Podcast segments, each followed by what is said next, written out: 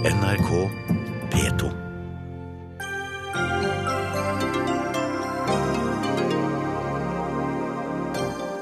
Flommen på Øst- og Sørlandet har ført til en alvorlig situasjon med omfattende skader i mange fylker, sier NVE-direktør. Folkeaksjonen på Island har fått regjeringen til å vurdere å ta imot flere syriske flyktninger. Vi håper den norske regjeringen gjør det samme, sier en av dem som arbeider frivillig for flyktningene i Norge. Folk flest kommer til å bli lykkeligere med De grønnes miljøpolitikk, mener professor. Man blir ikke lykkelig av å være fattig, svarer Høyre.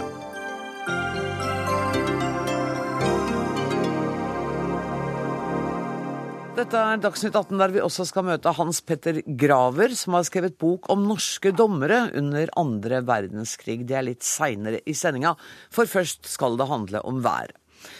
Ti fylker er rammet av flom og ras etter det kraftige regnværet på Østlandet og Sørlandet. I Aust-Agder, Buskerud, Telemark og Vestfold er det oransje varsel om flom.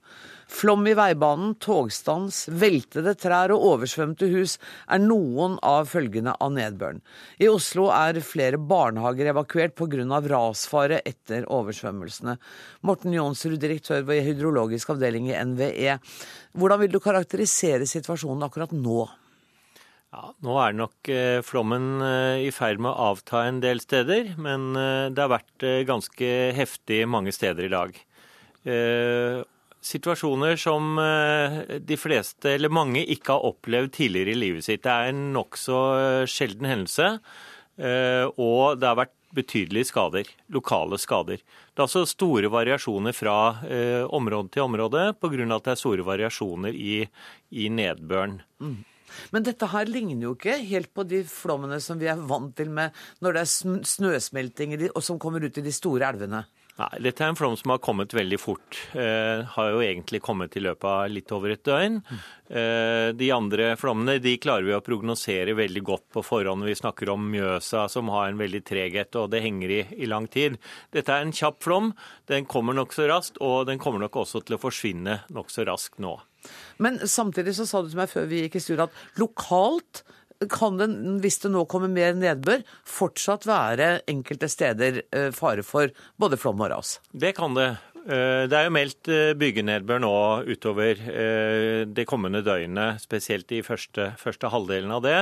Og de stedene som får lokale byggenedbør, de vil kunne få en økning av vannstanden igjen. Og de kan også heve jordskredfaren. Eh, Vi skal ta inn Hans Petter Reppe, som er reporter og er med oss fra Røyken i Buskerud. Hvordan ser det ut der du er, Hans Petter? Det ser jo ganske uvirkelig ut her også, som jeg har skjønt det er en del andre i fylker. Her er, står hele, eller ikke hele, men store deler av sentrum under vann. Jeg står nå på det som er igjen av et fortau, og her ligger det hus på alle kanter. Eh, Det er en elv bak meg her som har gått altså, til de grader over sine bredder. Garasjehuset bak meg så pumper de ut vann, der står bilene under vann. Hos naboen her så står det en bil med vann så langt oppe på dørene at det vel eh, ikke er mulig å, å redde den. Eh, Så, så det, er, eh, det er relativt uvirkelig. Det er mange som kommer ned her for å ta bilder og, og, og se på dette her, rett og slett. De har kanskje ikke, En del yngre mennesker de har kanskje ikke opplevd akkurat dette her tidligere. Men hva gjør folk i Røyken for å liksom Altså, er redusere jo- skadene? Her er det jo biler fra firmaer som, som står for eh, sanitering og prøver å redde da eiendelene til folk. Det er noe av det som, som kjører rundt der. De kommer ikke ordentlig til, for det er mye av det står under vann. Ja, der var det vel vannet som eh, tok vår kollega reporter Hans Petter Reppe. Vi flytter oss eh, litt lenger sør vi til reporter Kurt Inge Dale. Du er på Rjukan. Hvilke skader har flommen ført til der? Her som jeg står nå, så ser jeg rett opp i en fjellside hvor det kommer enorme mengder med vann nedover. Og i det området som jeg står nå, så har man eh, evakuert 20 boenheter. Og jeg snakket nettopp med noen av de som er evakuerte, og de var veldig takknemlige. De var veldig glade for at eh, de var blitt evakuert. For eh, som han ene sa da, jeg har bodd der siden 1959, og nå i dag så var det mye. Det var mye vann. Selv om de for eh, mange år siden opplevde akkurat det samme, at det gikk et ras i dette området. Så her som jeg står på Rjukan, er det enorme mengder som kommer nedover fjellsidene. Og jeg skjønner hvorfor kommunen nå ikke tør å åpne. En geolog har nettopp vært inne i området og sagt det at folkene her de må belage seg med tålmodighet. Jeg kan faktisk høre vannet renne i strie strømmer der hvor du står. Men, men, Kurt Inge, vet du noe om hvordan situasjonen er i andre deler av Telemark? Ja, her er det masse stengte veier. Eh, flere veier er stengt. E134 har jo også vært eh, stengt i dag pga. Eh, det været, uværet som vi har hatt.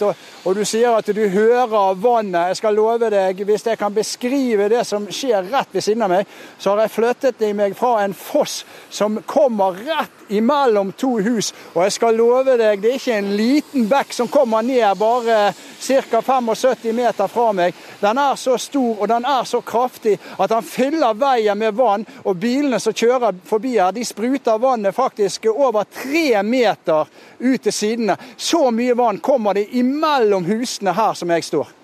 Men har det sluttet å regne nå, og er det sånn at værvarselet er litt håpefullt for ditt distrikt? Nei.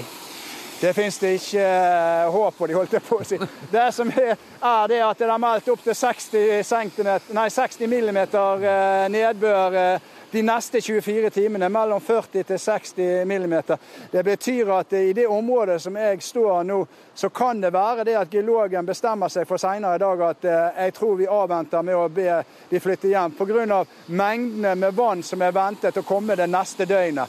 Akkurat nå så regner det bare bitte lite grann. Tusen takk skal du ha for denne rapporten, Kurt Inge Dale. Eh, Morten Jonsrud i NVE. Det er vel lurt å heller avvente og la folk flytte tilbake for å være helt sikre på at det er trygt? Jeg tror jeg ville avventet litt. Eh, men eh, det man må være klar over dette, eller det man bør tenke litt over, er at dette har vært en ganske godt varslet eh, hendelse. Meteorologene har meldt veldig treffsikkert. De har meldt nedbør på i størrelsesorden 80-110 millimeter. Og hvis du ser på hva det har falt på, på de fleste stedene, så ligger det innenfor det området. Vi har bygd på det og gått ut med våre varsler. Det er veldig viktig for ettertiden selv om man kanskje ikke dette kom brått på nå, men at man tenk, tar denne hendelsen og legger den litt i bånd for hvordan man legger atferden sin senere. Tenke på det at man må sikre vannveiene så de kommer bort fra de verdiene man ønsker å sikre. Hus, bil, garasje osv. Så, videre. så det er veldig viktig når det er sånne situasjoner at man følger med på varslene og oppfatter alvorlighetsgraden i det. Så hver enkelt av oss bør i grunnen ta litt inn over oss at dette kan ramme meg og mine eiendeler, som vi jo ser at det har gjort i stor grad nå? Ja, altså i et uh, framtidig klima så forventer vi at det blir flere ekstremhendelser. Uh, og da kan nok uh, hyppigheten av denne type hendelser bli noe større. Jeg sier ikke at dette er noe som kommer til å gjenta seg hvert år, men det kan hende at nå i gjennomsnitt én gang i livet kanskje blir to til tre i framtida. Tusen takk for at du kom til eh, Dagsnytt 18, Barten Jansrud i NVE. Dagsnytt 18 alle hverdager klokka 18. På NRK P2 og NRK2.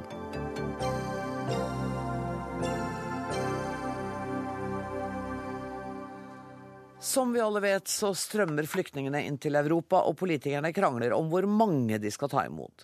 Men mens politikerne krangler, så er det noen som handler. Tusenvis av privatpersoner har engasjert seg. De samler inn mat, klær, tepper, støvler, bamser. Alt skal overleveres til flyktningene som kommer til Norge. Og mange har også sagt seg villige til å åpne hjemmene sine og gi flyktningene husrom. Dette organiseres via en Facebook-gruppe som kaller seg Refugees Welcome to Norway, og som nå har 40 000 medlemmer. Fam Irvold, til daglig er du designer, men nå har du gjort om kontoret ditt til et eh, rom med pappesker. Hva er det i disse pappeskene? Du, nå har jeg gjort om eh, hele gulvet på kontoret med esker fullt av eh, toalettartikler, bamser, klær og diverse ting. For du meldte deg inn i denne Facebook-gruppa for noen dager siden? Jeg meldte meg inn i forrige uke. Da var det sånn 200-300 medlemmer, og nå er vi jo oppe i 40 000 fantastiske folk som engasjerer seg. Og hvordan får dere vite hva det er flyktningene trenger? Det er jo noen som hver eneste dag ringer til de forskjellige stedene. Ref, altså Refstad eller ned på PU-kontoret. Og hører liksom det er nye ting hver eneste dag. Um, I dag f.eks. er det bleier. Så etter jeg har vært her, skal jeg ned dit med bleier. Men for, Forklar meg hvordan dette fungerer. Altså, Du driver på en, på en måte en liten tarm av denne i ditt kontor. Ja, altså det er jo mange som driver tarmer ut fra dette her. Eh, det er liksom én hovedgruppe, eh, og der snakker alle sammen. Og hva trengs nå? Og så er det noen som organiserer det. I tillegg så har vi jo Vardøen og disse restaurantene som er der nede og ordner. Massevis av frivillige. Eh, folk som kjører, henter, ordner og fikser, samler inn. Så jeg er da en av de som samler inn. Og kjører det ned til asylmottakene eller ned på PU-kontoret. Har du noen idé om hvor mange tonn varer dere har fått inn? Eh, jeg har jo ikke så stort kontor, men hos meg er det sikkert et par hundre kilo med ting. Med eh, bleier og deodoranter og tannbørster alt. og alt. Og det må bare sies at eh, det norske folket er så fantastiske. Er så utrolig stolt nå. Jeg har fått igjen troa på menneskeheten etter jeg ser hvordan folk behandler dette her. Folk går på butikken og kjøper konkrete ting som deodoranter eller bind, for den saks skyld, og kommer med bæreposer på bæreposer og gir. På Island eh, vet du, der har noe lignende skjedd. For Etter at regjeringen der sa at de bare ville ta imot 50 syriske flyktninger, så har det islandske folket mobilisert på sosiale medier.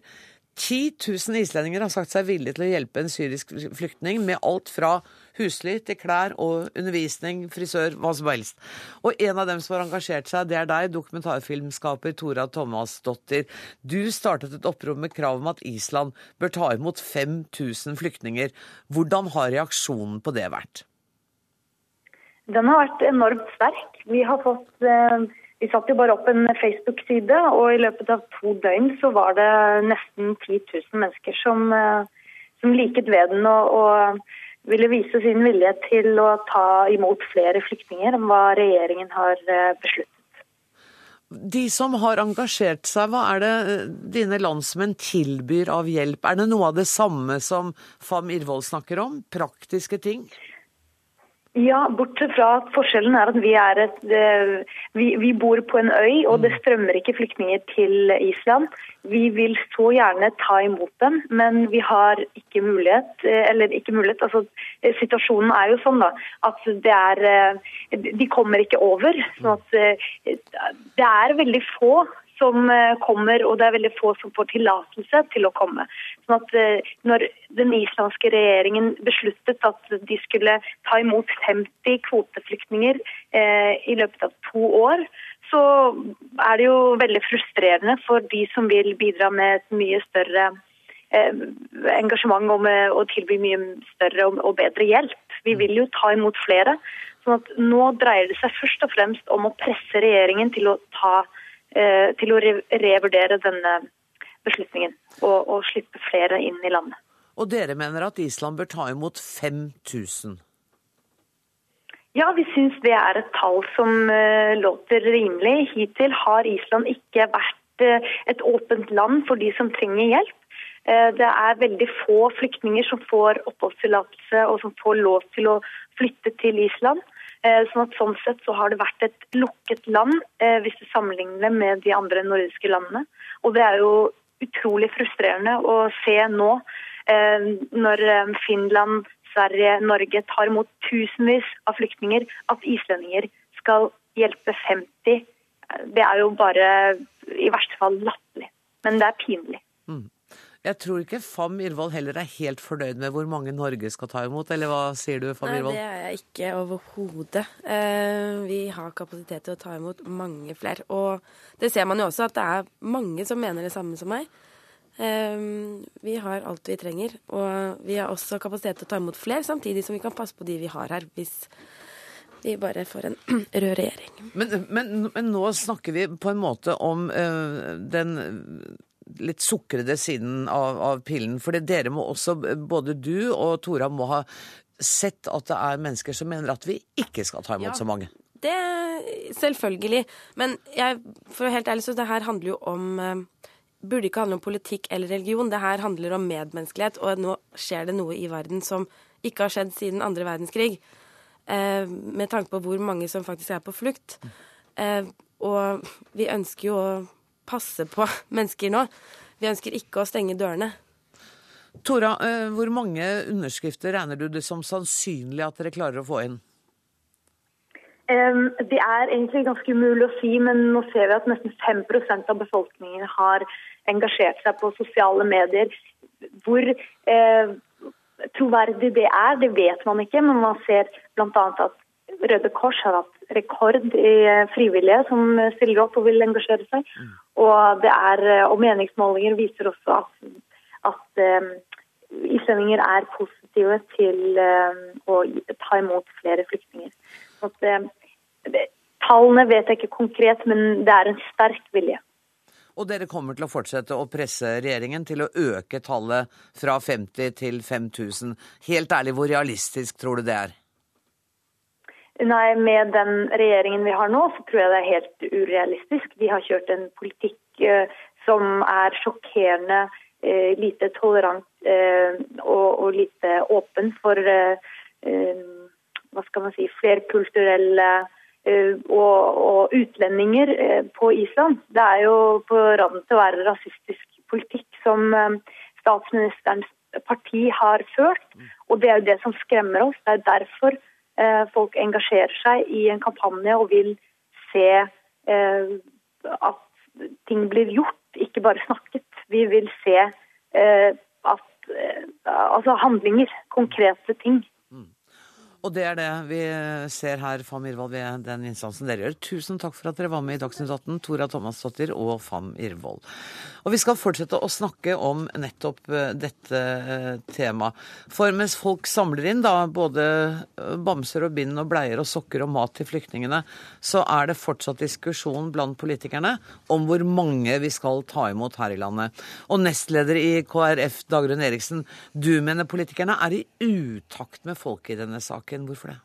Nei, det ser vi jo. Når det var noen som etablerte sånne hjelpegrupper, så har jo det utløst en sånn massiv hjelpeønske i det norske folk. Eh, og jeg syns jeg ser en veldig sånn stor stemningsendring.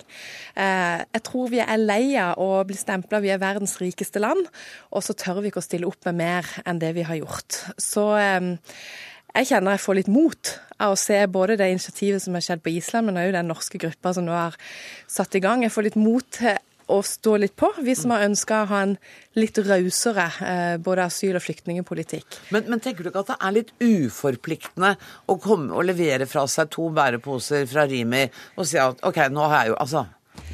Nei, men Det er jo et veldig sterkt symbol på at nå bryr folk seg. Eh, og jeg har jo tenkt sånn, med den harde debatten vi har hatt rundt flyktninger eh, i det siste året spesielt, da, så har jeg vært litt sånn OK, vi sier ja, velkommen, 8000, men hva er det de egentlig møter? Er det de nettdebattene som har virka ganske sånn uforsonlige og kalde? Eller er det altså Det er jo helt fantastisk at noen kommer og ser hva er det du har behov for. Jeg har behov for et sted å sove, men jeg har også behov for sånn helt sånne ordinære ting. Bare deodorant. Altså, jeg tenker hvor ønskelig hadde ikke det vært etter en lang tur å bare kjenne at det er noen som møter meg med, med det jeg har mest behov for. Tannbørste og deodorant. Tannbørste og deodorant og bind. Jeg tenker det er nydelig. Vi trenger det når vi kommer fram. Men kanskje aller mest er det det smilet som er bak disse eh, posene, som vi aldri kan vedta. Dette handler om et folkelig engasjement, og jeg kjenner meg stolt over å være norsk. Vidar Helgesen, du er europastatsråd her i landet. Du, blir du rørt og litt engasjert av dette? Ja, jeg syns det er veldig oppløftende, fordi eh, mye av debatten om disse spørsmålene blir lett eh, fremstilt som om det er en eneste stor byrde for Norge. Mm. Mens vi jo vet at internasjonalisering, det at vi blir et mer mangfoldig samfunn, har mange positive sider. Den byen vi sitter i nå, Oslo, er jo et godt eksempel på det. Um, og det at folk nå mobiliserer, er veldig bra, og det er veldig nødvendig. Fordi vi kommer til å se et uh, annet Europa fremover. Det kommer eh, mange flyktninger nå, men vi må regne med pga. hvordan Midtøsten ser ut, at det kommer til å komme flyktninger og asylsøkere i årene som kommer. Og da må vi møte dem både med tannbørster og deodorant og med menneskelighet, og ha en eh, anstendig og ansvarlig måte å eh, møte dem på. Og derfor må vi begrense antallet, tenker du? Vi har jo et bredt nasjonalt kompromiss i Stortinget fra i juni om Syria-flyktningene så eh, kommer det også eh, asylsøkere også utover den eh, avtalen. Og vi vet jo ikke hvor mange som kommer. Det vi vet fra andre land i Europa, er at det øker sterkt. Ikke like mye i Norge. Men vi står overfor en situasjon som kanskje kan sammenlignes med det vi hadde på Balkan på 90-tallet. Og, eh, Og den hvor, gangen så ga vi asyl til 8000 mennesker sånn over natta. Ja, og det, og ingen, det gikk helt fint. Og det er ingen tvil om at konflikten i Syria gjør at syriske flyktninger, syriske asylsøkere som kommer hit, har beskyttelsesbehov. Og eh, de må tas hånd om. Men sier du da at, at det, vi kan komme i en situasjon hvor Norge vil ta imot flere enn de 8000 som nå er planlagt over tre år? Det er ikke der vi er nå. Nå er vi der at vi diskuterer og agerer for å gjennomføre det eh, vedtaket. Og så tar vi del i en større europeisk diskusjon, for det er veldig mange europeiske land som ikke gjør nok. Norge er jo det landet som har meldt inn flest til EUs bosettingsprogram. Og eh, mange europeiske land er ikke villige til å gjøre sin del. Jeg tror vi kommer til å få se store endringer i EUs migrasjonspolitikk i årene som kommer. Det som skjer i Tyskland, eh, Merkels lederskap i dette, er et uttrykk for at eh, EU er i bevegelse. Eh, Hva som skjer, hvor mange som kommer til Norge, hvor mange som kommer andre steder, vet vi ikke. Men det vi vet er at uansett hvor mange det er, så er den eh, medmenneskeligheten og den åpenheten og den forståelsen for de grufulle lidelsene som disse menneskene kommer fra, det er veldig viktig at vi har. jeg er så glad du tar opp det. fordi at når du snakker, så høres det litt ut som du har et litt annet tidsperspektiv. Altså, Du snakker om uh, migrasjonssituasjonen i Europa som kommer til å endre seg. Men dette skjer jo i går og i forgårs og i dag og i morgen. Det er liksom, det er nå. Ja, det er nå. Og det er det som er viktig, at vi forstår at dette er akutt. Det må gjøres noe nå. Men vi må heller ikke glemme at dette antagelig er langsiktig. Dette er noe som Europa ikke bare kan ta tak i som en nå-situasjon. Vi må bidra med humanitær innsats, men vi må også ruste Europa for bedre asylhåndtering. Både i de landene som nå får flest asylsøkere først, nemlig eh, Hellas og Italia. Eh, Tyskland er jo i stand til å håndtere dette på egen hånd, men det er mange europeiske land som nesten ikke har asylhåndtering i det hele tatt, de må også begynne å forberede seg på å ta sin del av ansvaret. Dagrun Eriksen. Jeg er veldig enig i at vi kommer til å se en, en utvikling av dette. og Derfor så fikk jo vi inn i Syria-avtalen at man må gjøre en evaluering. Ja, vi har bestemt oss for 8000, men det er ikke uansett hvordan utfordringen ser ut. Og vi kan lett bli utfordra på å måtte ta imot flere. Og Derfor ligger det inne heldigvis en åpning. Er det Så- bakgrunnen for at dere la inn den der Ja, for- at- Ja. Absolutt. at ingen av oss kunne se inn i kula og se hvordan vil situasjonen se ut. Og jeg tror veldig mange er blitt berørt av det vi nå ser, eh, både gjennom TV-skjermene og som vi nå har fått helt inn i, i vår egen nasjon. Eh, sånn at vi er nødt til å se på den situasjonen. Så skal vi gjerne jobbe langsiktig, men jeg syns jo også at regjeringen kunne ha støtta Angela Merkel sitt initiativ om ikke nå å sende tilbake flyktninger eh, etter Dublin-avtalen som sier at du skal sendes tilbake der du blir registrert. Kunne vi Det hadde vært litt solidaritet, tenker jeg, utover i Europa, og som de hadde trengt å få høre fra Norge nå. Helgesen, helt kort. Dublin-avtalen er jo en europeisk enighet om hvordan man skal håndtere det. At tyskerne ikke returnerer eh, nå, det er helt forståelig fordi det er så enormt mange at det både praktisk og politisk ville være utenkelig at de gjør det. Men vi har en situasjon hvor eh, vi ikke returnerer til Hellas, hvor eh, det gjøres en skikkelig vurdering hos utlendingsmyndighetene om hvor det er forsvarlig, og hvem det er forsvarlig å sende i retur. Men det er altså ikke veldig mange det dreier seg om i forhold til antallet som eh, kommer. Som kommer og som får bli, eller som har Norge som første asylland. Men, men, men når vi returnerer Dere vet jo da at da returnerer vi kanskje til flyktningeleire som blir deres permanente hjem i år etter år etter år. Ja, men her er det jo at eh, både de planene som nå ligger om et frivillig eh, gjenbosettingsprogram i EU, relokaliseringsprogram i EU, kommer inn, og den diskusjonen som kommer om et permanent eller eventuelt bindende eh, bosettingsprogram i EU, som gjør nettopp at land som Hellas og Italia, som skal, ikke skal være de som må eh, bosette alle, selv om de kommer dit. Og realiteten er jo allerede nå at de bosetter jo langt færre enn oss. De får mange asylsøkere, men det er ikke der de blir bosatt.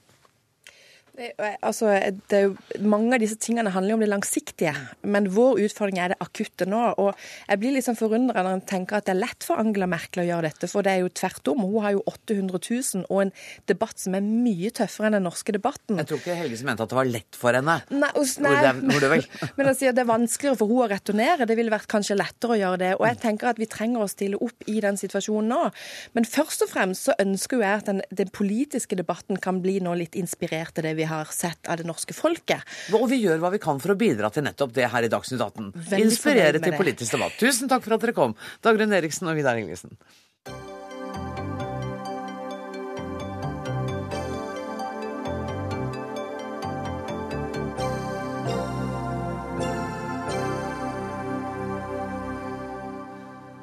Den ulovlige piratnettsiden Pirate Bay blir blokkert i Norge. Det fastslår Oslo tingrett i en dom mot flere nettleverandører i dag. Åtte norske nettleverandører må nå blokkere tilgangen til flere piratnettsteder. Direktør i Virke produsentforening Torbjørn Urfjell, hvorfor er denne dommen bra? Den er kjempebra fordi at det er forstått fast at eh, det ikke er lov å stikke av med andre folks varer. Det er tjuveri å, å legge ut eh, produktene til kunstnere og produsenter på den måten som eh, disse har gjort. Så jeg vil gratulere Rettighetsalliansen med å ha fått dette gjennombruddet. Og så er det kjempebra at den internettleverandørnæringa som vi har, nå òg eh, tar konsekvensen og og òg ser nytten av at domstolen faktisk har slått fast. Og nå slipper de å møte oss i krangel om at de skal være liksom politi. Nå har vi fått slått fast med domstolen hva som er rett.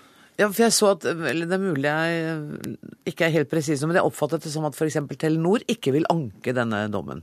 Nei, det ser ikke sånn ut. Telenor er veldig konstruktive her. De, de ser det at eh, når domstolen slår fast at dette her er ulovlig virksomhet, så er de klar for å stenge ned denne tjenesten. De er ikke interessert i at de motorveiene de har eh, med internett, det suser av gårde, at det skal være stjålne varer som suser av gårde på de.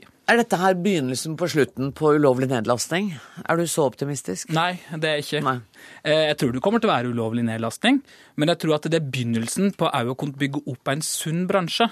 For det at hvis du skal bygge opp alternativer, hvis du skal ha folk som skal være villige til å investere, så er du nødt til å være trygg på at ikke folk står med sida med stjålne varer, og at de fallbyrde gir de vekk gratis. Skal du ha sjanse til å få en sunn økonomi som folk har lyst til å, å, å, å gå inn på et sånn type marked, så må du òg vite at du kan få eh, investeringen din eh, forrenta. Stortingsrepresentant for Venstre, Sveinung Rotevatn, du sier at dette er en farlig vei å gå med denne dommen. Hvorfor det? Jeg syns dette motorveibildet som, eh, som Urfjell bruker, er egentlig ganske godt. Jeg. For det er jo ikke sånn at vi begynner å stenge av veier som går til enkeltbygder i Norge bare for at det er mer kriminalitet som skjer der enn andre plasser. Det er ingen som mener at eh, piratkopiering eller brudd på opphavsretten er et gode. Det er vi enige om. Um, nå tror jeg for så vidt heller ikke at denne dommen der kommer til å føre til at folk over det ganske langt kommer til å springe til videobutikken og kjøpe seg en DVD. Men det som har vært Venstres innvending da vi var mot denne loven som ble vedtatt i 2013 med kulturminister Hadia Tajik i spissen, så var det fordi vi her åpner for noe nytt. Det vi her åpner for, er at en ikke bare skal gå på de som gjennomfører ulovlige handlinger, f.eks. å gå på Pirate Bay, gå til sak mot dem. Nei, en åpner for at en skal sensurere internett. At en skal gå på internettleverandørene og pålegge dem å stenge tilgangen til enkeltnettsider. Grunnen til at det er svært problematisk, er jo prinsipiell, ikke minst fordi at vi har jo vanskelig for å se hvor enden her skal være. Eh, skal en kunne blokkere tilgangen til nettsider der en ja, oppfordrer til sivil ulydighet, f.eks.? Skal en blokkere tilgangen til Wikileaks, som sprer dokument som myndighetene ikke vil skal bli spredd? Prinsippet må være at en går på de som gjør ulovlige ting, ikke at en stenger ned infrastrukturen. Det er ikke noe Venstre er med på. Det stopper jo akkurat de menneskene som gjør det ulovlige. Det er det som er poenget. For at, eh, Som med annet tyveri, så stopper politi, politiet de på veien, de som er på, på vei av gårde med stjålne varer. Så det er Og ikke som skjer- sensur det er snakk om? Altså, det er det som skjer i dette tilfellet her. Her er det snakk om at eh, den har fått slått fast fra domstolen at dette er en ulovlig tjeneste. Og at den da har sjanse til å stoppe det eh, gjennom internettleverandøren. Og de er fornøyd med det. Så jeg syns det er grunn til å gratulere Telenor og de andre med at de nå endelig er får et virkemiddel for å være mer lovlydige, de òg. Ja, men De som ikke er grunn til å gratulere, det er oss alle som et samfunn. For det jeg og Venstre mener, at en av de store frihetskampene i vår tid, det er kampen for et fritt internett. Det at du har nettnøytralitet som prinsipp, og det at du ikke stenger av eller sensurerer tilgangen til informasjon på internett, er et uhyre viktig prinsipp. Og så forstår jeg selvfølgelig at Disney og andre som har opphavsrettigheter, ønsker flest mulig virkemidler i verktøykassa for å gå til angrep på ulovlige nedlastingssider. Men det å gå over denne grensa, som Stortinget gjorde i 2013, og som Oslo tingrett nå har tatt konsekvensen av, det mener vi var feil da, og det mener vi er feil nå. Og jeg mener også at det er en litt sånn herlig naivitet da, over filmindustrien. Fordi at Det er jo ikke slik at det er vanskelig å omgå det en her gjør. De fleste som klarer å søke på Google, klarer å gjøre det i løpet av 15 sekunder. Men en må lære av det som har vært suksessen. For det er, det musikkindustrien. naivt, det er ikke veldig naivt å innse det at uh, kunst og kultur må betales. Det skal betales for skuespillere, for snekkere, for kameramann. Hvis du skal få produsert film eller TV-serier, så må det betales. Og mener virkelig Venstre at tyveri skal beskyttes under en sånn eh, ytringsfrihetsfane? Nei, Å si at det å ha et fritt internett er å beskytte tyveri. altså Det er jo som å si at Det er det eh, du for- gjør. Du Nei, tar til orde for at det skal være mulig å stikke av. ikke, ikke, ikke krangle nå. Eh, Rotevatn, kan ikke jeg bare få lov å sitere litt fra dommen? For der står det retten viser til den store prosentvise andelen ulovlig materiale og den betydelige skadevirkningen. Basert på det bevismaterialet retten har fått, fremstår The Pirate Bay som nærmest et rent piratnettsted. Ja, og jeg mener at det er helt greit å gå til sak mot Pirate Way og bruke virkemidler for å hindre det de måtte gjøre som er ulovlig. Det som ikke er greit, det er å pålegge internettleverandører som Telenor å sensurere tilgang til nettsider. Det er en stor prinsipiell forskjell der. Og når jeg sa at det var en herlig naivitet, så mener jeg jo at all historie nå i moderne tid har vist oss at det å drive og ta disse sakene til domstolen ikke har noe særlig effekt. En må lære av f.eks. musikkindustrien, som klarte å lykkes med å tilby folk et godt, lovlig tilbud på internett som de var villige til å benytte seg av. Og da raste jo den ulovlige nedlastinga av MP3-filer. Det filmbransjen må gjøre, hvis du spør meg, er å tilby et produkt som er så godt og tilgjengelig at folk ønsker å gjøre det på en lovlig måte. Det er ikke noe vanskelig. Det er bare å lære musikkindustrien. Og det han har gjort i dag i Oslo tingrett, det er både prinsipielt svært betenkelig, for det handler om ytringsfrihet, men det er heller neppe noe som vil få noe særlig effekt. Jeg har lyst til å ha med deg Rotevatn ut og lære mer av filmindustri og se hvordan film faktisk produseres. Bli med på et sett og se hvor mange mennesker som er med, hvilke kostnader som finnes, sånn at man kan få omgjort den teorien du snakker om nå, til praksis. For praksisen er at man faktisk bruker de virkemidlene som virker. Det virker det man nå gjør, når man får stoppa piratvirksomheten.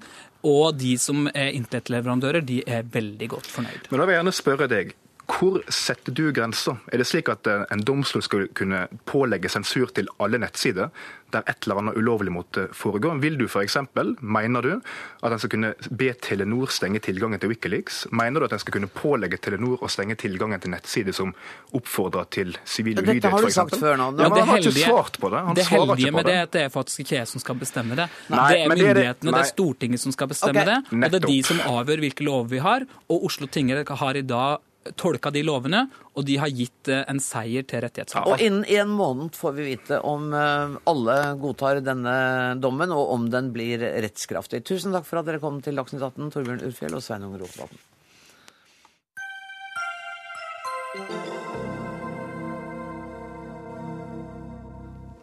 I disse dager spikrer regjeringen budsjettet for neste år, men Arbeiderpartiet tar for gitt at slaget allerede er tapt for kulturfeltets del.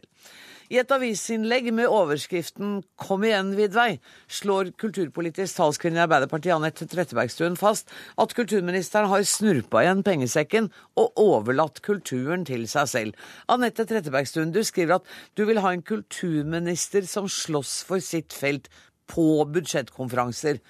Kanskje hun gjør det?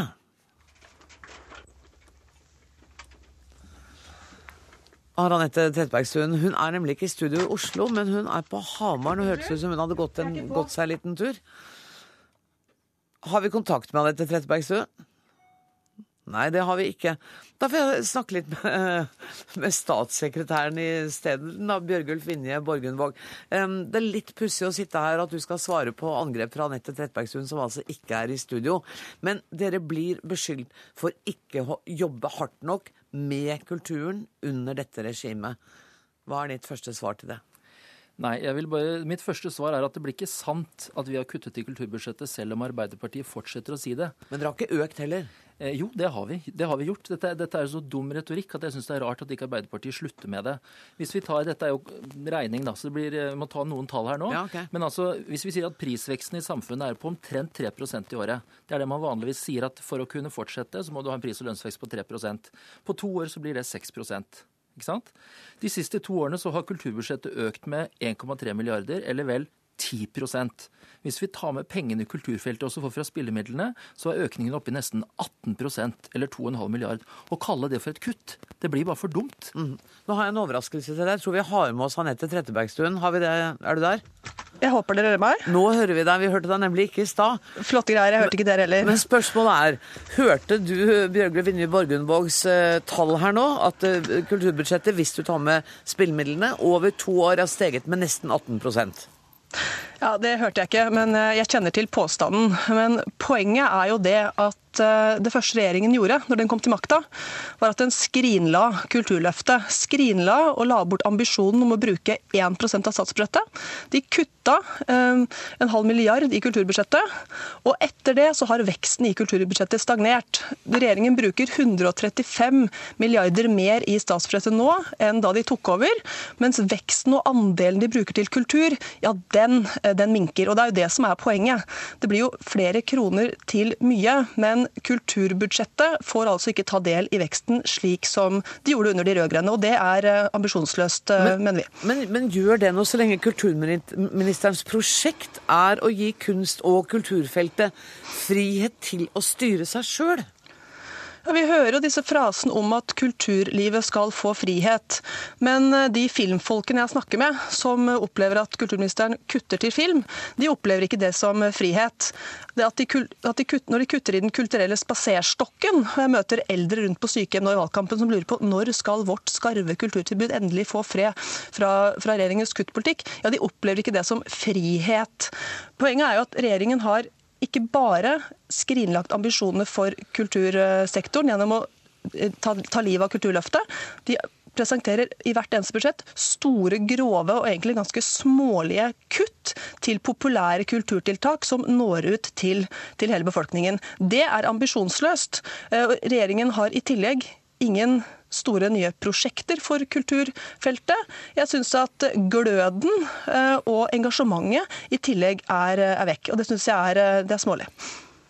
Mangler dere glød og engasjement? Når Borgundvåg? vi, når vi først bare hører med Trettebergstuen, altså På filmfeltet så var det en reduksjon på 7 eh, som ikke ble videreført året etterpå. og så var det en, I Spaserstokken så fikk kommunene et økt reelt handlingsrom sammenlignet med året før, samtidig som vi videreførte 20 millioner i andre tiltak for samme gruppe. Hvilke andre grove kutt er det du mener vi har gjort, når du sier en rekke grove kutt? Jo, jeg, kan, jeg kan ramse opp. Dere fratok eh, ungene kulturskoletimen. Dere foreslo Nei. kutt i pressestøtten. Dere foreslo kutt i stipendordningen til kunstnere. Eksportstøtten for kultur i utlandet. Innkjøpsordningen for litteratur. Den kulturelle spaserstokken. Kulturelle nistepakka. Filmfondet, Kulturfondet osv. Så, videre. så poenget er jo at eh, dere foreslår hvert eneste år etter budsjettkonferansen grove kutt til de mest populære kulturtiltakene som når folk flest der de er, så flere får ta del. Så er det jo heldigvis sånn at Venstre og KrF klarer å redde i land noe på budsjettet, men det vitner om en regjering som ikke har ambisjoner for kulturfeltet, som ikke serverer annet enn kutt, og som overhodet eh, ikke er med på å spre, eh, spre den gløden og gi kulturlivet den anerkjennelsen det fortjener i budsjettet, men også i samfunnet. Men altså, vi vet at Arbeiderpartiet er opptatt av mer penger. Og det er jo det virker som det er det eneste de er opptatt av. Så bestilte Arbeiderpartiet en kulturutredning for å evaluere Kulturløftet. For å si hva har kommet ut av den doblingen av pengemengden som, som skjedde da under Kulturløftet i statens kulturbudsjett. Og den, den kom jo med, ikke med særlig oppløftende ting. På flere tunge budsjettområder så står ikke kunstproduksjon og publikumsoppslutning i forhold til budsjettøkningen. Kunstnere tjener mindre nå det, på det de skaper, enn de gjorde før. Visuelle kunstnere har blitt hengende særlig etter. Manglende systematisk oppfølging av kvalitetsmålet. Lavt ambisjonsnivå i bibliotekene digitalt. Det er ikke veldig oppløftende. Når du har dobla budsjettene og det er resultatet, så er det klart at vi må spørre oss hvordan kan vi bruke disse pengene bedre. Nå er det en moderat vekst istedenfor en pengegalopp. Og så gjør vi jo en rekke ting for å bedre kulturen. Så de påstandene dine blir ikke mer sanne fordi om du fortsetter å servere de. Du leser den rapporten som fanden leser Bibelen. Det, ikke, det, medfører ikke riktighet. Hvis du var opptatt av å bruke pengene bedre, ja, så kunne vi godt tatt en diskusjon om det. Men poenget er at regjeringen er ikke opptatt av å bruke pengene. For dere prioriterer andre sektorer. Dere prioriterer skattekutt og andre områder og lar kultursektoren henge etter. Det var ingen kunstnere eller kulturinstitusjoner som ble holdt kunstig i live med rød-grønne kulturpenger. Tvert imot så styrka vi kulturen eh, over hele landet. Vi gjorde kulturen mer tilgjengelig. og det, jo, det henger jo det, det, du sier, henger jo ikke sammen. Selvfølgelig er det ikke slik at kulturen ble mindre tilgjengelig under de rød-grønne.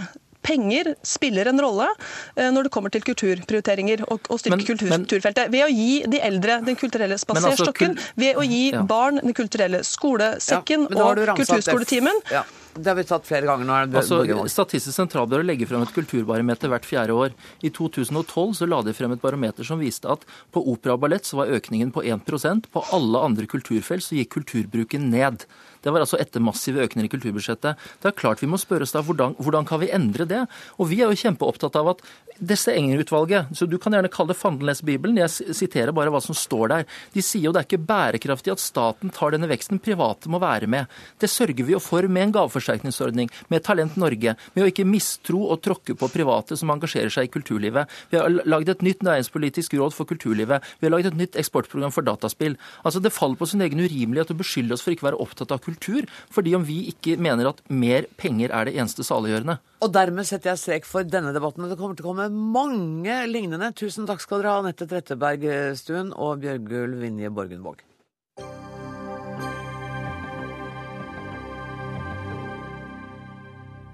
I 1940 la norske høyesterettsdommere ned vervene sine, men dommerne i underrettene fortsatte arbeidet. Hvilken betydning fikk dette for rettsbehandlingen i Norge? Og var det klokt av Høyesterett å markere sin motstand mot okkupasjonen på denne måten? Dette var noen få av de spørsmålene som professor og dekan ved Det juridiske fakultetet i Oslo, Hans Petter Graver, stiller i sin bok 'Dommernes krig'. Velkommen til Dagsnytt 18, Hans Petter Graver. Tusen takk. Aller først. Du skriver at det må være lov å spørre om det var riktig av Høyesterett å legge ned embetene. Hva skulle de ellers ha gjort? Blitt sittende, selvfølgelig. Det var jo alternativet. Og eh, Men da hadde de kommet til saksa? Ja, det var jo det uttrykket som Pål Berg brukte. At vi må passe oss Eller hvis vi blir sittende, så kommer vi i saksa som dommere i det autoritære Norge. Eh, og det gjorde jo da resten av dommerstanden. Eh, så det er det som er grunnen til at jeg stiller det spørsmålet. For resten av dommerstanden måtte håndtere de vanskelige spørsmål og situasjoner som dukket opp. Og det måtte de da gjøre uten den ledelsen som de kunne ha fått kanskje av eh, noen kritiske dommere i Høyesterett. Og du skriver også at Høyesteretts valg kan være en grunn til at de øvrige domstolene ikke involverte seg i protester mot okkupasjonslovgivningen. Det er jo selvfølgelig veldig vanskelig å vite. Og, og som, Men det er interessant? Ja. Og det som ville ha skjedd, eh, det er jo at uh, halvparten av dommerne ville jo blitt uh, tvangspensjonert av NS. Mm.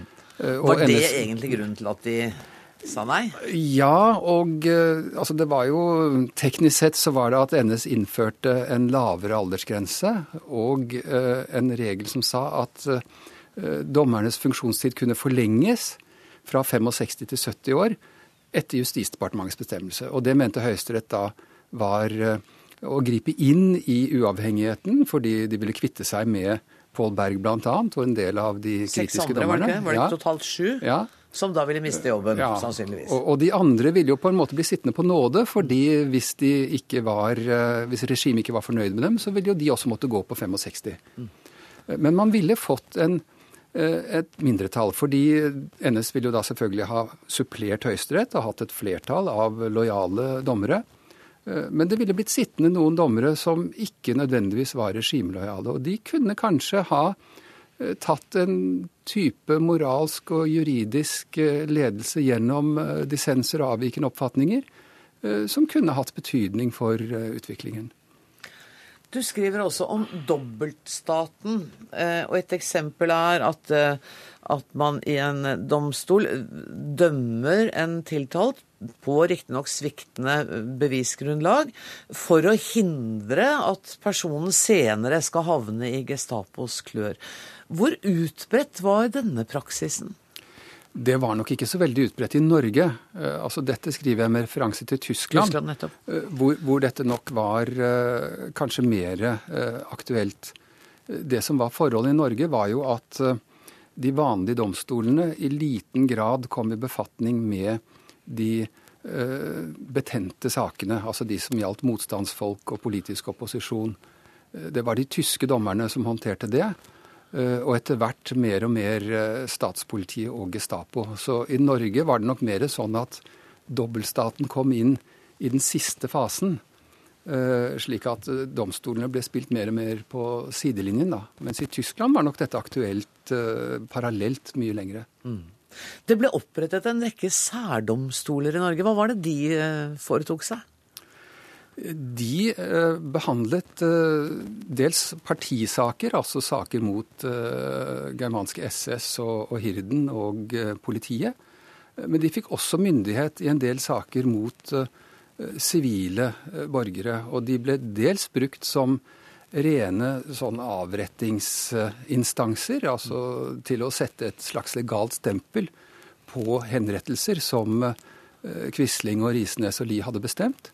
Og dels ble de brukt i noen eh, alvorlige saker for å eh, markere et alvor, særlig i forbindelse med alvorlige forbrytelser og tyveri osv. etter eksplosjoner og bombeangrep hvor folk gikk i, i ruinene og stjal, eller hvor folk brukte mørkleggingen som et, et skjul for å begå voldskriminalitet. Mm.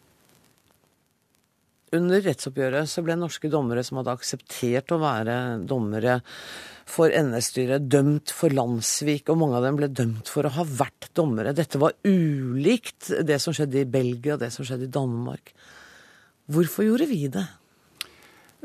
Vi gjorde det nok eh, som del i det alminnelige landssvikoppgjøret. For disse dommerne eh, som tok sete i eh, NS-domstolene, ble jo sett på som landssvikere.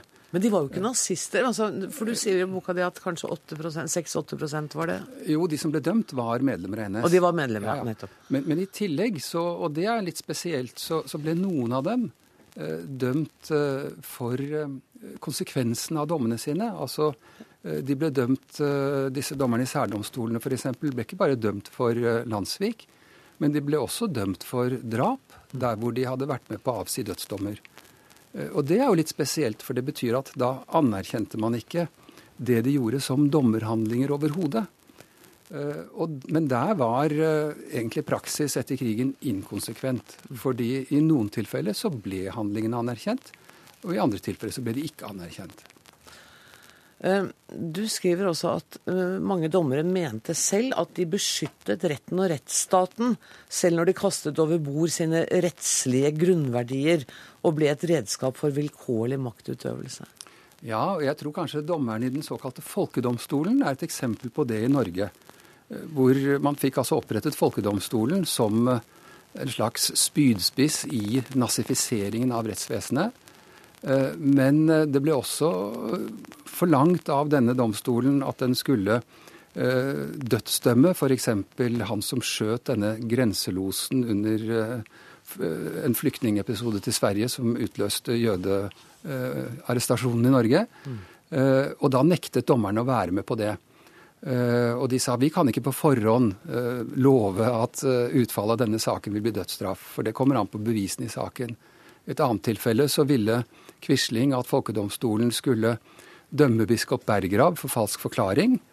Og igjen så sa dommerne at det kommer helt an på utfallet av saken. Eh, slik at eh, de sto faktisk opp eh, imot et press mot sin dommeruavhengighet. Og Det er kanskje noe av det mest overraskende i det jeg har funnet. Det er denne viljen til å stå opp for domstolenes uavhengighet, også blant disse NS-dommerne i folkedomstolen. Du fortalte meg tidligere at en inspirasjon til å begynne å arbeide med dette stoffet var at du hadde lest Kjartan Fløgstads 'Grense Jakob' selv? Ja, det stemmer det. Altså, den, det syns jeg var en veldig god bok og uh, veldig tankevekkende. Og uh, det materialet han bygget på, uh, det fikk jeg lyst til å se nærmere på. Så jeg hadde et forskningsopphold og gikk etter og fant ut at situasjonen var egentlig ganske mye verre enn det han beskriver i den boken. Og, og, og det bygger på et helt riktig faktisk grunnlag. Mm. Um, selv for en ikke-jurist så er dette her en uh, utrolig lesbar bok med mye ny informasjon. Hvorfor er det skrevet så relativt lite om dette i Norge? Nei, det vet jeg rett og slett ikke. Altså, jeg tror nok uh, Det er to grunner. Det ene er at uh, i hvert fall det norske juristmiljøet ikke har ønsket å anerkjenne det NS gjorde som i det hele tatt relevant for den juridiske virksomheten. Så man har på en måte satt parentes rundt det. Og når det gjelder de som var dommere i de øvrige domstolene, så var det kanskje sånn at uh, ikke, folk ikke syntes det var så veldig mye å skryte av det de hadde gjort. Sånn at det har ikke vært uh, så mange som har villet trekke frem episoder frem i lyset. Men jeg håper jo at uh, kanskje det at jeg skriver dette, bidrar til at nye historier som kommer frem, da, at folk vil bli utfordret til å si at det er ikke riktig at bildet er mer sammensatt, og at det finnes flere helter blant dommerne enn det eh, det tilsynelatende ser ut som. Mm. Og jeg tror i hvert fall at eh, veldig mange vil ha glede av å lese den. Tusen takk for at du kom til eh, Dagsnytt 18, Hans Petter Graver. 'Dommernes krig' heter altså boka. Takk. Hør Dagsnytt 18 når du vil. Radio NRK.no.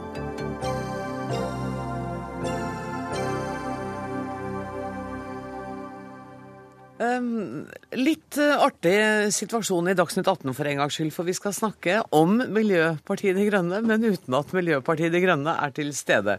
For hør her. Folk flest får det bedre med Miljøpartiet De Grønnes økonomiske politikk. Det skriver du, Jørgen Randers, som er professor i klimastrategi. Det skriver du i Dagens Næringsliv i dag. Hva er det som får deg til å tro det? Det jeg sier i Dagens Næringsliv i dag, Eh, er at Miljøpartiet De Grønnes politikkforslag er et konsistent forslag. Det henger på greip. Det er mulig å gjøre det de foreslår. Men det forutsetter selvfølgelig at det er et flertall av befolkningen som har lyst til at man skal gjøre det. Det skjønner jeg. Og la oss nå leke den leken, at vi forutsetter det.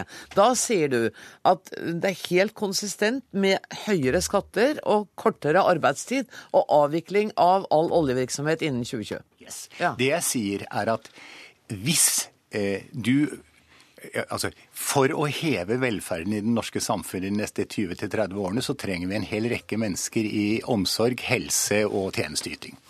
De menneskene har vi ikke i øyeblikket fordi de, vi er nesten full sysselsetting.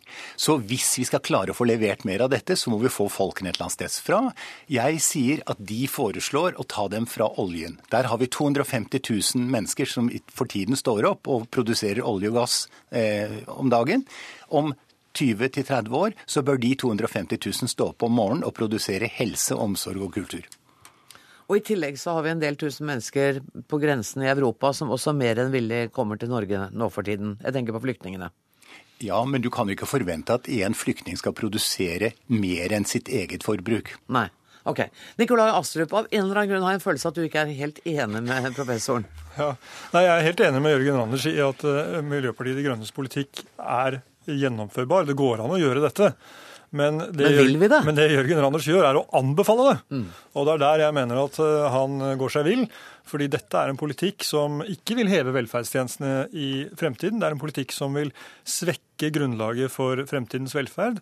Gjøre at vi får mindre felles velferd i Norge. Gjøre at vi får betydelig svekket kjøpekraft. Eh, og vil føre til eh, til dels svært høy arbeidsledighet på kort og mellomlang sikt. For det er ikke slik at vi kan konvertere Nei, fordi Miljøpartiet De Grønne fremstiller det som om de skal avvikle oljenæringen nærmest lineært over 20 år. Mm. Men med de rammevilkårene de foreslo i sitt budsjett for 2015, så vil det bety en absolutt investeringsstopp nå. Eh, og en rask avvikling av næringen i realiteten. Og den ledigheten vi nå ser i oljebransjen, er, vil være for en mild bris å regne sammenlignet med det som vil, være konsekvensen av Miljøpartiet De Grønnes forslag. Og så er det viktig også å understreke at dette er jo ikke det eneste forslaget de har. De ønsker å skattlegge norsk kapital eh, tre ganger så hardt som i dag. Dvs. Si at de vil oppleve det samme som det eh, Hollande og Mitterrand har opplevd i Frankrike, nemlig at kapitalen flytter ut av landet i stor hastighet. Eh, det vil være svært negativt for investeringene i norske arbeidsplasser. De ønsker å stykke opp bankene. Bankene skal få begrensninger på utlån, slik at man ikke kan ta de store investeringsløftene i, i Norge. De ønsker å innføre lokal valuta osv. Så, videre, og så, videre. så her ligger det en masse ting som samlet sett mener jeg vil bidra til å svekke grunnlaget for den velferden vi møysommelig har bygget opp over 40 år. Og ikke minst, og kanskje det viktigste i denne sammenheng, siden Jørgen Randers og jeg er enige om at vi ønsker et grønt skifte, det vil ikke gjøre verden grønnere at Norge blir fattigere. For det er det vi vil bli, til dels betydelig fattigere. Eh, Jørgen Anders, er det ikke litt pussig at du er villig til å rasere velferdsstaten slik vi kjenner den som gammel arbeiderpartimann? Jeg er ikke villig til å rasere velferdsstaten. Jeg tror ikke at MDGs program ville gjøre dette. Snarere tvert imot så vil den flytte 250 000 arbeidstakere fra å produsere olje og gass for eksport til å produsere velferd for meg på gamlehjemmet eh, om en liten stund.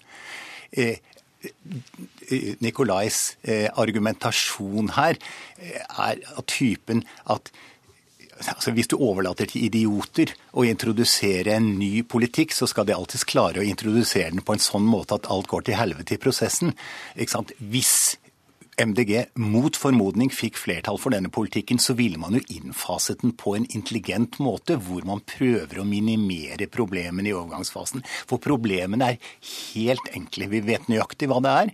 Vi skal da venne folk til at inntektene deres ikke går opp så fort som de har gått opp før. Mm. Vi skal venne folk til at en større, et høyere inntekt, altså en høyere inntektsskatt og formuesskatt, fordi at man må betale for de økte fellesskapsgodene som deres løsning innebærer. Mm. Du skal venne folk også til et lavere forbruk. Ja, og så kan jo da Høyre og Nikolai være helt beroliget at sjansen for at dette skjer, er veldig lav, fordi det krever et flertall å gjøre det. Og det flertallet kommer sannsynligvis ikke frem. Nei, ikke i år, men det ser ut som de kommer til å gjøre det kjempebra i kommune- og fylkestingsvalg, da. Ja, heldigvis, for det betyr at det er heldigvis en god del folk i Norge som har begynt å være lei av De klarer ikke å svare på spørsmålet om hva er meningen med livet, og like svaret økt forbruk. De vil ha et alternativ. Her er det et alternativ. Det er ingen som stiller det spørsmålet, og det er, heller, altså det er ingen som gir det svaret når de blir stilt det spørsmålet. Og for mange så er faktisk det å jobbe meningsfylt. Eh, for Jørgen Randers er det åpenbart ikke det, for han ønsker å jobbe mindre. Men for mange av oss andre så er det faktisk noe av det som gir mening i livet, det å, å jobbe med noe meningsfylt. Så og så er det slik at Du må gjerne omtale innfasingen av MDGs økonomiske politikk som idioti, men altså de foreslo i sitt statsbudsjett for 2015 å øke skatter med nesten 40 milliarder kroner. Det er klart det har en effekt på økonomien. Og eh, Du snakker om at vi må venne oss til et litt lavere Eh, velstandsnivå. Men det det er snakk om, er jo i realiteten en negativ spiral som over tid vil bygge ned fundamentet for velferdsstaten. Og la oss ta nyutdannede, la oss ta de unge. Det er paradokset, for det er mange unge som stemmer på MDG. Og de vil jo i realiteten treffe toppen av lønnskurven i sin første dag på jobben. Nyutdannede hjemmepleiere, sykepleiere, lærere. De vil altså oppleve at det er der er toppen, fordi Jørgen Randers og Rasmus Hansson har trukket opp stigen etter seg. Det er ikke spesielt solidarisk i et generasjonsperspektiv. Og jeg er litt overrasket over at du bruker din professorale tyngde for å stille deg bak et program som er så uansvarlig, naivt og lite gjennomtenkt, og som vil skade Norges økonomi eh, hvis det blir gjennomført slik du foreslår. Kan jeg få lov til å bruke min professorale tyngde? Til å si at det du nå sier, er tøv. Og det eneste budskapet jeg har her, er at det går an å organisere det norske samfunn på en annen måte enn den måten vi har organisert det på i de siste 40 årene, med én monoman målsetting, nemlig økt produksjon. Og det forslaget de er kommet til, er ett av mange mulige alternative måter å organisere samfunnet på. Og det er mulig å innføre dem, men det krever et flertallsvilje. Det skjønner jeg. Men er det etter ditt syn ønskelig at vi går i denne retningen? Det er etter min oppfatning klart ønskelig at vi nedbygger olje og gass så fort som vi kan Det er klart ønskelig at vi får økt bemanningen i de velferds... Altså helse, omsorg osv. Det er klart ønskelig for meg at man reduserer, fritiden, reduserer arbeidstiden og øker fritiden. Ok, Men har du bytta parti? Nei, jeg har ikke bytta parti. Jeg er fortsatt medlem av Arbeiderpartiet. Ok. Eh, Nikolai Astrup, du får fem sekunder til å svare på det siste her. Redusert arbeidstid, ned i forbruk. Spørsmålet er ja, det er mulig å gjøre det, men er det lurt? Og New Climate Economy-rapporten, som eh, bl.a. er rådgitt av noen av verdens aller fremste økonomer med enda større professoral tyngde enn en min gode venn på høyre hånd her, fastslår at eh, vekst og lavere utslipp ikke bare er mulig, eh, men eh, fullt ut gjennomførbart og ønskelig å få til. Takk skal dere ha, Nikolai Astrup og Jørgen Randers. Helt fort til slutt ansvarlig for denne sendinga var Ingebjørg Sæbø, Lisbeth Sellreite og jeg som heter Anne Grosvold.